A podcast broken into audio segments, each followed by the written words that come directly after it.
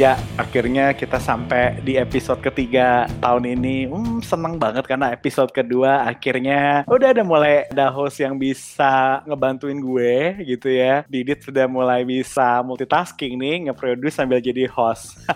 so, seneng banget teman-teman karena dari episode 1 kita dapat banyak feedback yang akhirnya kita bikin episode 2 yang cerita sebenarnya kita punya peluang apa aja di tahun ini yang mungkin teman-teman bisa explore. Nah, episode 3 ini sebenarnya sedikit nyambung dengan episode 2 gitu. Lebih kepada ini mungkin pengalaman gue pribadi gitu ya di akhir tahun lalu sampai dengan awal tahun ini di mana ya udah mulai banyak lulusan-lulusan baru lah ya kita di akhir tahun lalu dengan awal tahun ini dan masih dengan kecemasan yang sama. Tapi ada beberapa isu menarik yang rasanya gue akan angkat di episode 3 ini gitu ya. Salah satu isunya adalah gue dapetin waktu itu dari Les ACC gitu ya, Instagramnya ACC dan beberapa dari interview juga gitu terkait dengan pertanyaan seperti ini. Kakak, kalau mau karir itu bagusnya lewat track generalis atau spesialis ya. Sejujurnya gue agak kaget sih ditanya begini karena mereka sudah punya eksplorasi yang cukup baik nih ya teman-teman ya sobat-sobat listeners yang hari ini dengerin ACC dan mungkin sudah coba melamar ke ACC udah punya pengetahuan yang sangat baik menurut gua. Ada generalis sama spesialis. Tapi apakah generalis dan spesialis ini merupakan jalur karir? Ataukah memang sesuatu yang harus dipilih? Atau ada nggak sih sebenarnya generalis sama spesialis kalau mau berkarir? Atau jangan-jangan itu cuma jargon-jargon yang sebenarnya di company ya akhirnya semua akan ada di satu jalur karir yang sama. So untuk membahas hal ini, wah gue senang banget teman-teman karena gue kedatangan ini semacam teman ngobrol zaman dulu gue masih newbie di rekrutmen dan gue banyak banget tanya sama Mbak satu ini yang bener-bener banyak sharing ilmu ke gue dan hari ini sudah ada di posisi yang baru dan tentunya nyambung nih kalau kita mau ngomongin karir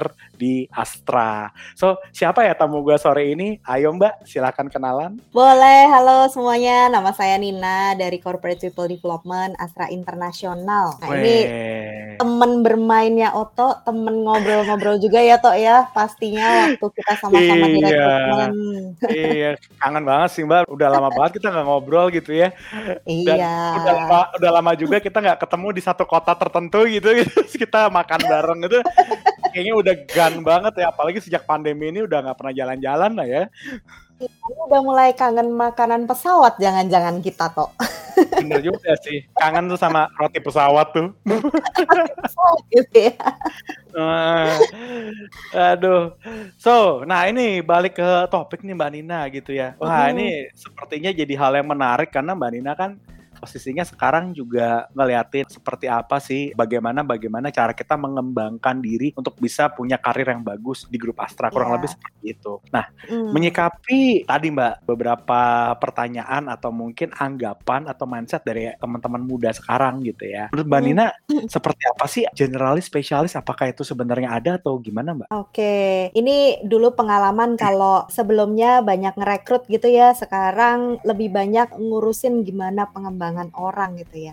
Nah, Mhm. kalau kita bicara generalis sama spesialis ya, Oto itu sebenarnya Mhm. itu adalah jalur karir sih. Hmm, gitu. oke. Jadi sedikit meluruskan aja gitu ya. Kalau misalnya kita bicara generalis, spesialis itu adalah jalur karir sebenarnya. Di mana kalau Hmm. kita bicara generalis, generalis ini adalah jalur di mana kita mempersiapkan fungsi-fungsi yang sifatnya managerial position nih gitu. Hmm. Sedangkan kalau di spesialis ini bagaimana sih kita menyiapkan orang ini menjadi tenaga ahlinya di suatu perusahaan. Jadi kalau misalnya memang punya keahlian di area engineering, ya nantinya dia akan jadi pakar nih ceritanya gitu di engineering. Hmm. Atau misalnya kalau di areanya IT atau misalnya teman-teman punya area masuk ke data scientist, nanti akan jadi ahli-ahli di bidang-bidang itu. Seperti itu sih gambarannya. Oh, I see. Nah, kalau kayak teman-teman lulusan baru atau anak-anak muda sekarang nih Mbak yang mungkin Hmm. mereka lagi mencoba untuk memilih atau mulai Ya. apply-apply kerja lah ya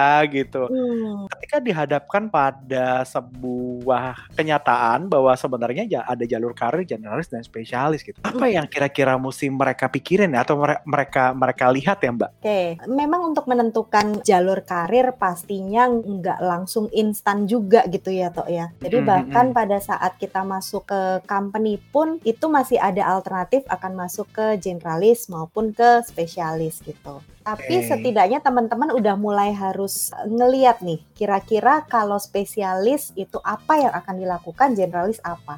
Nah ini yang teman-teman bisa persiapkan nih di awal. Saya ke depannya pengen dikenal sebagai misalnya Nina yang nantinya akan masuk ke level yang sifatnya ke manajerial ataukah saya pengen dikenal sebagai Nina yang ahli banget nih di bidang HR gitu misalnya. Nah itu yang Hmm. teman-teman coba searching sebanyak-banyaknya, coba cari tahu sebanyak-banyaknya sehingga pada saat menentukan nih saya ingin masuk ke company mana atau program apa itu bisa lebih tepat gitu. Itu gambarannya Mas Oto. Oh, oke, oke. Jadi dia mesti tahu dulu bahwa sebenarnya jadi ada Hmm. konsekuensi tertentu ketika kemudian mereka ini memutuskan bahwa gue akan punya jalur di menjadi seorang spesialis atau gue akan punya jalur menjadi seorang generalis. Artinya gini, si pakar data science tadi atau katakanlah si pakar operator mesin gitu ya, mungkin ya Hmm. kalau di teman-teman yang engineering. Berarti kesempatan untuk menjadi level manajerial itu menjadi tertutup atau gimana, Mbak?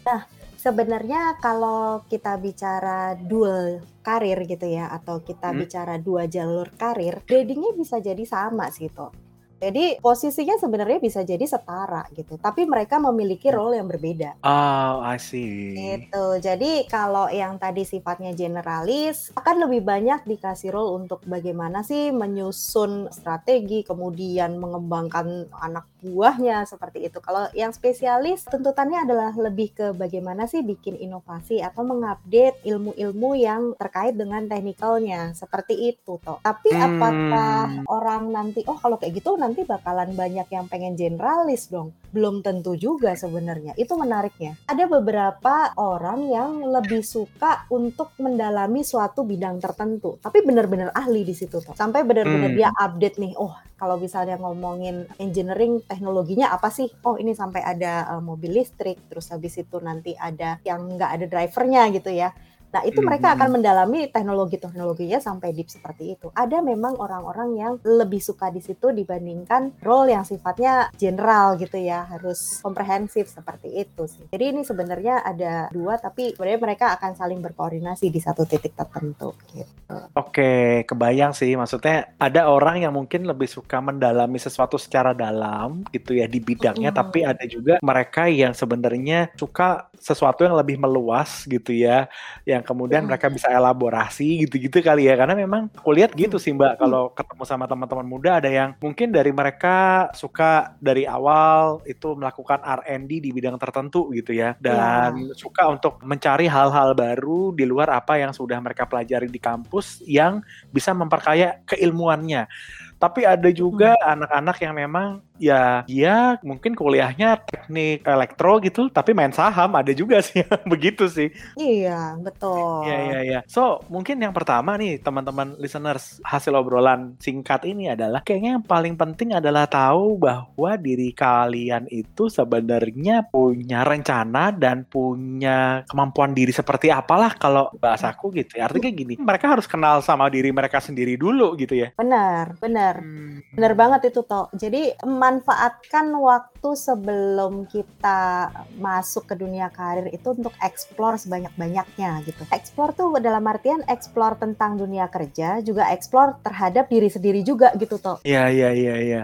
Artinya dia mungkin mulai ikut-ikut magang di beberapa jenis pekerjaan dan dia akan merasakan sendiri sebenarnya mana nih yang kira-kira gue bisa lakukan dengan optimal gitu ya Mbak. Ya, betul. Ya, ya, ya, betul, ya, betul. ya. So menarik nih teman-teman karena ini hal baru karena kayaknya akan lebih baik kalau sebenarnya lu tuh udah pada tahu nih teman-teman dari awal bahwa saya tuh akan optimum di mana daripada begitu udah masuk dunia kerja baru mulai explore gitu ya mbak ya. Iya, karena kalau kayak gitu sayang umur toh.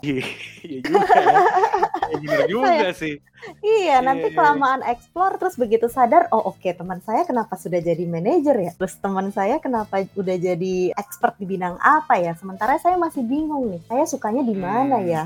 Gitu. Itu jadi sayang oke, sih oke. sebenarnya. disayang banget gitu ya. Artinya ada Mm-mm. waktu yang harusnya bisa dia lakukan pada saat kuliah sambil kuliah gitu ya, yang sebenarnya bisa sedikit menghemat waktu gitu. Jadi begitu dia masuk ke dunia kerja udah ada di tempat di mana dia paling optimum, udah di, di tempat di mana jalur karir yang paling optimum gitu ya, Mbak. Iya, betul. Hmm. Nah, ini menarik nih ya teman-teman karena sejujurnya ya teman-teman, gua punya beberapa pengalaman interview di mana teman-teman sendiri se- sebenarnya masih bingung sih akan ada di mana gitu. Karena muncul fenomena lagi nih, Mbak Nina. Bisa jadi orang ini misalnya jurusan teknik pertanian gitu lah ya, kampus tertentu. Ya ini kayaknya interview awal tahun gitu ya. Oke, so gimana rencana kamu setelah lulus ini? Kamu punya rencana apa? Jawabannya gini mbak, saya mau masuk MT mas. Terus aku tanya kan, kenapa mau masuk MT gitu? Tujuannya apa? Boleh tahu nggak?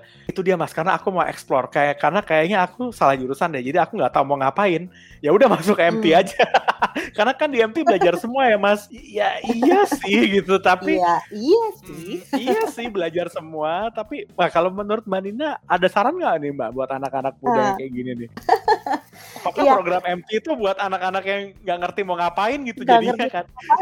Tapi nanti Iya. jadi tersesat gitu. Heeh. Tapi gini sih, sebenarnya wajar banget ya kalau teman-teman itu bingung di awal gitu ya, Tok ya. Karena kan memang Hmm. apalagi kondisi pandemi seperti ini gitu ya, kesempatan magang juga jadi terbatas misalnya seperti itu. Jadi bingung setelah lulus mau ke mana itu itu sebenarnya suatu hal yang wajar. Tapi Hmm. kalau bingung, kelamaan bingungnya, nah itu yang nggak bener gitu ya. iya iya iya betul sih. Iya, iya, Dan iya. setidaknya pada saat mau apply, even ke MT pun yang di mana itu dapat kesempatan untuk belajar banyak hal ya, teman-teman juga udah harus tahu nih MT-nya MT yang model seperti apa gitu. Apakah ini Hmm. yang benar-benar diarahkan untuk jadi leader di satu area tertentu? Apakah ini MT-nya ada juga yang sudah mempersiapkan ke satu development function tertentu? Nah, itu juga harus Hmm. diketahui sih dari awal. Hmm. Hmm. Seperti itu. Jadi kembali lagi, bingung boleh, tapi jangan sampai hanyut gitu ya. Jadi kayak ya udah semua MT saya apply deh. Pokoknya kalau MT itu membantu saya mencari passion saya. Nah, itu yang rasanya sih perlu diluruskan gitu ya, Tok ya. Betul betul. Terus nih Mbak, terkait dengan yang tadi jalur-jalur itu, memang kan kalau di ACC itu ada juga MTIT gitu ya Mbak ya, karena memang punya kebutuhan ya namanya kita sekarang kan bergerak dengan digitalisasi lah, mungkin sejak lima tahun lalu gitu. Banyak juga teman-teman yang non teknik informatika atau non sistem informasi itu ngelamar ke Hmm. ACC gitu ya. Sebenarnya sih kita ya mungkin kamu punya basicnya lah ya, kita coba untuk speed dating dulu gitu ya. Tapi kalau Hmm, begitu hmm. tanya, oke kamu tahu ini MTIT? Tahu Mas, oh oke. Terus harapannya apa? Di sini saya orang yang suka IT, Mas. Jadi saya pengen belajar IT di MTIT ini. Ya nggak gitu Oke. juga sih sebenarnya. Artinya kan ada ada hal-hal kayak mungkin kalau di Astra kalau kan ada MT-MT yang khusus di Iya, fungsi tertentu yang bayar ada MT legal kalau nggak salah ya, ada MT Iya. audit gitu-gitu ya. Iya, iya. Ini teman-teman juga mesti belajar mengenali gitu ya, kali ya, Tok ya. Atau lebih teliti atau lebih kritis lagi melihat MT ini sebenarnya MT apa gitu. Karena Hmm. banyak sekali istilah MT tapi tujuannya itu berbeda-beda gitu. Ada yang beberapa company juga mereka startingnya dari MT tapi ini untuk mempersiapkan spesialisnya mereka itu ada juga toh. Betul. Ada juga Ya. MT yang sifatnya generalis untuk mempersiapkan leader-leader di function tertentu itu juga ada toh gitu. Nah, ini yang mungkin teman-teman perlu kritisi kali ya, jangan oh MT MT pasti belajar gitu. Jadi apa pun begitu ada open lowongan MT masuk semuanya gitu. Betul. Dan gak jarang juga ada MT begitu lulus jadi sales kan, Mbak? Iya, ada juga itu. ada juga kan itu Ada kali sih juga. aku dapetin sih gitu oke Heeh, gitu Terus merasa loh merasa apa ya? Merasa salah gitu kan ya. Nah, begitu Hmm, udah masuk terus ternyata nggak happy kan ya lebih baik ada lebih baiknya kalau teman-teman juga tahu dulu nih program MT itu apa sih sebenarnya tujuan dari MT-nya ini. Oke, jadi kita ke yang kedua nih teman-teman. Kalau ada lowongan manajemen trainee, mungkin hal pertama yang harus teman-teman lakukan ketika mungkin ketemu dengan representatif HR-nya atau rekruternya adalah tanya detail dulu kali ya, ini program MT akan tujuannya seperti apa meskipun di beberapa perusahaan yang oke okay, biasanya sudah di note tuh bahwa programnya akan berlangsung sekian lama, akan tujuannya outputnya akan ke sini ada juga gitu. Tapi nggak ada salahnya teman-teman explore. Artinya kalau nanti lulus kira-kira posisinya akan seperti apa, lalu akan belajar apa aja, jalur karirnya seperti apa, sehingga teman-teman jadi nggak tersesat gitu ya. Maksudnya udah bingung, terus tersesat itu kan kayak kombinasi yang luar biasa gitu ya Mbak ya. Iya. Dan jangan bayangin kalau di dunia kerja seperti di pendidikan gitu ya, udah ada oh guidance-nya kamu harus ke mana ke mana gitu ya toh ya. Karena di dunia kerja yeah. kadang-kadang kita benar-benar harus mencari insight-nya apa itu secara sendiri gitu ya, secara mandiri gitu. Nah, jadi jangan sampai tersesat gitu.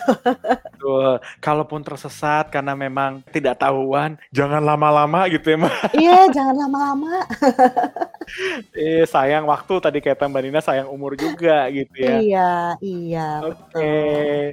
Nah, mungkin ini pertanyaan berikutnya Mbak terkait dengan mungkin sedikit lah ya gambaran gitu buat teman-teman yang mungkin tertarik nih bahwa udah mulai dapat insight dari obrolan kita terus wah kalau nanti saya masuk Astra gimana nih gitu. Ada clue nggak Mbak hmm. kira-kira seperti apa sih pengembangan karir yang dilakukan sama Astra gitu ya, hmm. baik dari sisi yang generalis maupun dari sisi yang spesialis. Oke, jadi kalau di Astra sendiri sebenarnya penentuan generalis atau spesialis itu biasanya setelah beberapa tahun ada di perusahaan sih toh. Jadi jarang hmm, sekali eh. dari awal itu sudah di judge oh kamu adalah spesialis. Kalau untuk hmm. yang generalis itu biasanya pengembangannya lebih ke arah yang sifatnya komprehensif. Jadi cukup banyak nih yang dipelajari gitu ya. Apalagi kalau semakin ke atas itu pasti tuntutan untuk memahami bisnis itu jadi semakin penting gitu ya toh ya. Di sisi hmm. lain juga biasanya kita bekali tentang bagaimana sih memanage tim, memanage anak buah untuk managerial positionnya seperti itu. Jadi hmm. dua sisi. Kalau yang di spesialis mereka akan banyak di feeding dengan bagaimana sih mereka bisa membuat inovasi-inovasi di bidangnya mereka masing-masing. Oke. Okay. Okay. Dan yang pastinya terkait teknikal nih. Nih, teknikal pun juga ada beberapa yang sampai kuliah loh ke luar negeri gitu. Oh, Khusus okay. untuk mempelajari bidang keahlian keahliannya. Bidang keahliannya supaya bisa iya. mengeksplor dan bisa ada gunanya juga untuk bisnis gitu ya. Betul, betul. Hmm. Oke, nah itu teman-teman artinya walaupun tadi Mbak Nina mention ya ini bukan kayak kuliah yang beneran diarahkan loh gitu. Tapi at least kalau di Astra kalau teman-teman masuk jadi posisi apa pun kalau jalur karirnya kalian tidak akan dibiarkan sendiri gitu ya Mbak ya. Artinya hmm. perencanaan karirnya juga kita dampingi lah ya gitu. Iya, iya. Meskipun ya tentunya kalian juga harus punya mau sih. Jangan nanti tiba-tiba bilang ya terserah lah mau dibawa ke mana aja saya mah siap gitu ya. pasrah bener gitu kan ya? Pasrah bener gitu. Uh, jadi karena memang punya biasanya mau. iya kita dalam menentukan karir juga pastinya ada skenario ya. Tapi kita juga nangkep nih aspirasi dari orangnya seperti apa sebenarnya di setiap sesi coaching konseling yang dilakukan oleh atasan biasanya hmm. sekaligus nangkep nih aspirasinya. Kamu sebenarnya karir itu pingin ke arah mana sih gitu? Nah harapannya okay. kalau misalnya cocok nih dua-duanya jalannya akan lebih enak kan toh Tuh betul, betul. Artinya ada sesi-sesi tersebut yang bisa mengarahkan dan ketika hmm. si teman-teman ini punya mau, artinya akan lebih enak untuk diarahkan sehingga rencana-rencana buat pengembangan dirinya juga jadi lebih tajam ya, Mbak ya. Iya, gitu. Hmm, I see. So ada tiga key takeaways nih yang udah menarik teman-teman. Yang pertama tadi terkait dengan ya lu harus kenal lu juga sih. Artinya tetap harus tahu bahwa kalian itu akan optimal di mana gitu. Yang kedua terkait dengan manajemen trainee tadi dieksplor ya teman-teman jangan cuman melihat bahwa ini empty gitu dan ujungnya saya jadi manajer karena banyak loh mbak yang gitu kalau ditanya tuh ya iya. kenapa kamu ngelamar empty karena saya mau jadi manajer gitu ya memang hmm, sih. Tapi gimana ya? Kayaknya gue tuh pengen banget gitu kadang-kadang. Ini juga sekarang lagi gue lakuin sih mbak. Jadi muter-muter keliling uh -huh. kampus untuk sedikit membuka teman mata teman-teman seperti apa sih manajemen trainee dan seperti apa sih jadi manajer gitu supaya mereka juga kebayang. Jadi kan kadang-kadang kalau kayak iya. anak muda sekarang, kamu sekarang kerja apa? Saya manajer di Astra kan kayak keren banget gitu ya. Cuman untuk ke arah sana dan bagaimana itu akhirnya kita coba bukain juga gitu. Dan yang ketiga tadi kita kewes dari obrolan kita adalah Astra secara sistem HR-nya juga sudah mempersiapkan teman-teman yang sudah masuk ke sini melalui tadi proses-proses coaching counseling ya lalu melihat juga seperti apa aspirasinya teman-teman. Itu membantu teman-teman untuk kemudian bisa punya arah karir yang sesuai dengan seperti apa kebutuhan bisnis maupun seperti apa teman-teman punya aspirasi, tapi balik lagi teman-teman harus punya maunya dulu gitu. Maunya ke arah mana dan merasa akan bermanfaat bagi diri sendiri maupun bagi company itu ketika ada di tempat-tempat seperti apa gitu ya. Mbak, mungkin yang terakhir nih Mbak. Bocoran dong Mbak, ini pertanyaan sejuta umat. Beneran apa deh. Apa itu? ini pertanyaan sejuta umat, tapi aku nggak tahu nih akan didiskus apa enggak sama Mbak Nina gitu ya. Tapi pertanyaan lagi nih Mbak, kapan Astra buka lowongan kerja lagi. Wah, Wah itu lowongan itu pertanyaan sejuta umat sih Mbak gitu. Sejujurnya kalau di ACC kita dari awal tahun kita udah buka peluang buat manajemen trainee gitu ya. Iya. Jadi mungkin teman-teman bisa pantengin Adlance ACC. Kalau Astra ada sedikit bocoran-bocoran gak sih Mbak Nina? Ini teman-teman juga harus pantengin websitenya Astra Karir nih ya. Jadi hmm. rajin aja lihat-lihat di sana, tapi pastinya di tahun ini kita sudah mulai open lagi nih kok. Jadi ini kayaknya berita Wee, gembira juga nih ya. Kabar gembira untuk teman-teman Kabar gembira yang... nih untuk teman-teman yang ngedengerin nih ya. Jadi dipantau benar, benar, aja benar, benar. websitenya Astra.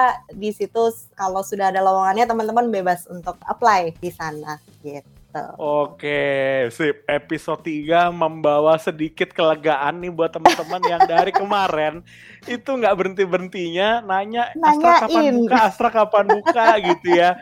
Terus kayak pertanyaannya Astra kapan virtual lagi? Kapan ada virtual lagi? Ya, Wah. Ya, teman-teman, ini mungkin jadi sesuatu yang tapi jangan cuma disikapi dengan yes buka, tapi nggak dipantengin tuh Instagramnya Astra underscore iya. karir ya teman-teman ya.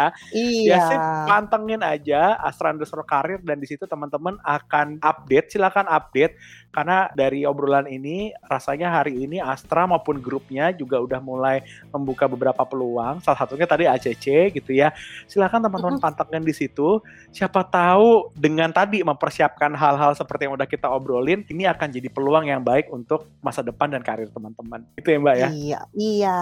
Yang pastinya oh. juga harus mulai nyicil-nyicil nyiapin diri juga ya Tok ya cari-cari iya. info, uh, pengalaman-pengalaman gitu ya untuk benar-benar bisa di-share, disiapkan pada saat proses seleksi. Gitu. Betul ya, jadi ingat peluangnya udah ada, mungkin sekarang lah waktunya teman-teman untuk sibuk memoles diri. Tadi yang mungkin hari ini desperate karena pandemi terus nggak ngapa-ngapain, lakukanlah sesuatu ya Mbak ya, jangan hanyut hmm. karena pandemi ini. Kembangkan diri teman-teman karena kita udah mulai banyak buka peluang ke depan, persiapkan teman diri teman-teman sehingga kita bisa pilih teman-teman menjadi salah satu kader leader di Astra. Gitu ya Mbak Nina ya? Iya, betul. Oke. Udah nggak terasa nih Mbak, obrolannya udah lumayan lama nih. Iya. Panjang juga ya, akhirnya. panjang Seru juga, juga akhirnya. Kayaknya banyak banget sih ya teman-teman ya namanya kalau kalau gue ketemu Mbak Nina tuh kayaknya kalau ngobrol nggak mungkin kurang dari dua jam sih. banyak banget yang bisa diobrolin since juga Mbak Nina dulu dari rekrutmen dan tahu banget seperti apa keresahannya job seeker anak-anak muda yang hari ini sangat berusaha keras untuk cari kerja gitu ya Mbak ya. Iya. Mudah-mudahan ini bermanfaat. Thank you banget loh Mbak Nina udah ngobrol-ngobrol. Oto. Ya, nanti kita akan kecap lagi mungkin di waktu-waktu di mana pandemi ini sudah lebih baik untuk kita bisa punya program-program kolaborasi lagi untuk bisa bikin anak-anak muda Indonesia lebih keren, ya nggak sih Mbak? Iya dong pastinya. Oke, sip. Uh, mudah-mudahan semua bermanfaat. So, listeners, pantengin Dobrak, pantengin AdSense ACC. Jangan lupa pantengin Astra underscore karir untuk cari peluang terbaik untuk kalian di tahun ini. So, sekali lagi thank you Mbak Nina. Gue tutup untuk Sama-sama. episode kali ini. Gue Roberto dari Rekrutmen Astra Credit Companies. Ya, dan saya Nina dari Astra Internasional. Thank you semuanya. Selamat sore. Sore, see you on next episode. Bye. Bye.